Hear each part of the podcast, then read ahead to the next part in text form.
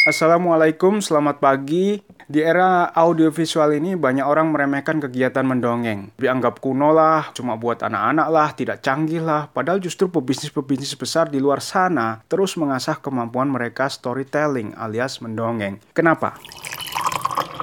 Alasan pertama, mendongeng itu permainan imajinasi khas manusia yang tidak bisa ditiru oleh makhluk lainnya. Ada banyak penghuni bumi, burung, reptil, ikan, tumbuhan, bahkan manusia-manusia cerdas seperti Homo neanderthal. Pernah dengar kan? Tapi kenapa pada akhirnya kita Homo sapiens yang berkuasa di planet ini dari populasi satu juta sampai sekarang menjadi miliaran jiwa? Apa karena kita makhluk yang paling kuat, paling cerdas, paling cerdik, paling pandai beradaptasi? Bukan. Faktanya ada makhluk yang lebih kuat, lebih cerdas, lebih cerdik, dan lebih punya kemampuan beradaptasi dengan alam. Tapi mereka kalah bersaing dengan kita. Mereka minggir semua, bahkan sebagian sudah punah. Menurut Yuval Harari, sejarawan Israel yang menulis buku bestseller, manusia bisa begitu dominan di bumi karena kemampuannya berkolaborasi dengan banyak manusia lainnya. Bukan kerjasama sederhana semacam semut mengotong makanan atau membangun sarang, tapi kerjasama yang kompleks dan tanpa tatap muka. Ponsel aja umpamanya. Ada yang mendesain bentuknya, ada yang membuat casingnya, ada yang memproduksi lensanya, ada juga yang menggarap piranti lunaknya. Apakah mereka saling kenal? Secara umum korporasi mungkin, tapi secara tim per tim tidak ada yang saling mengenal, apalagi secara individu per individu. Bahkan mungkin tim yang mengerjakan baterai tidak pernah tahu wajah kolega-koleganya yang menggarap LCD. Tidak saling kenal, tidak saling ketemu, tapi hasilnya nyata dan nyala.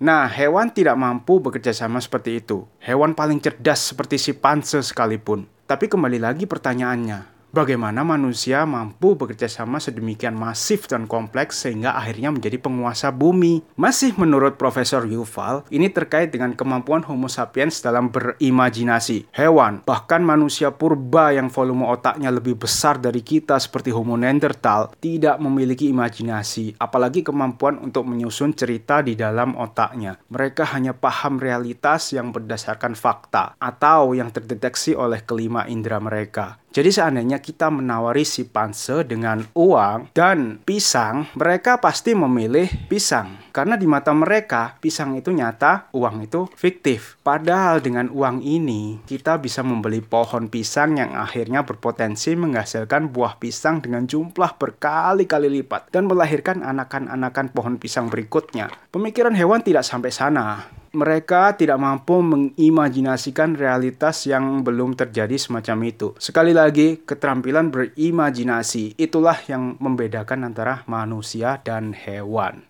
Alasan kedua, kenapa kemampuan mendongeng itu penting? Karena semua orang suka didongengin. Tua muda, laki, perempuan cenderung suka cerita. Iya dong, kalau tidak bagaimana mungkin film, novel, komik selalu laris sebagai hiburan. Bahkan bukan cuma cerita fiksi kita penasaran. Misalnya, kita punya tetangga yang ramah, suka membantu, biasa ngopi bareng di warung sebelah. Tiba-tiba dia masuk TV sebagai pelaku bom bunuh diri kita tertarik dong untuk menggali ceritanya siapa sebenarnya dia. Kita bahkan aktif mencari tahu ke sana kemari ke orang-orang atau pihak yang sekiranya bisa mendongengi kita cerita lengkap tentang tetangga kita tadi. Mendengarkan cerita itu memang aktivitas yang sangat alami dan praktis. Sehari-hari kita berbicara, mendengar, berbicara, mendengar jauh lebih sering dibanding membaca dan menulis. Karena itu, orang sudah sangat terlatih, sangat terbiasa mendengar dan menikmati cerita di negara-negara maju, budaya bertutur, mendongeng atau storytelling sudah sering dimanfaatkan sebagai alternatif dari pengajaran atau presentasi. Mereka percaya cara untuk membuat orang paham bukan cuma dengan mengatakan ini adalah itu dan itu bisa dilakukan dengan begini begitu bla bla bla. Akan lebih menarik bila kita menyampaikan materi yang sama melalui cerita, storytelling, mendongeng. Tentu saja ini berbeda dengan mendongeng kepada anak-anak mengenai pangeran tampan, putri kerajaan, atau monster. Meskipun konsepnya sama, membuai audiens dengan cerita kita. Oh ya, mendongeng itu teknik ya, metode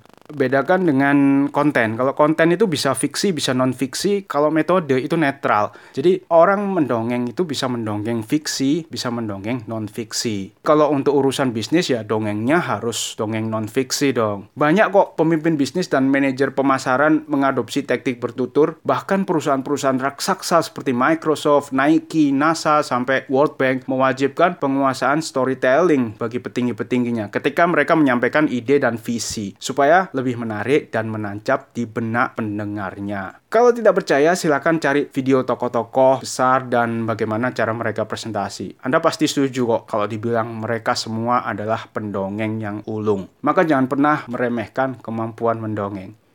Terima kasih sudah menyimak. Sampai ketemu di podcast-podcast secangkir espresso Brandito berikutnya. Wassalamualaikum.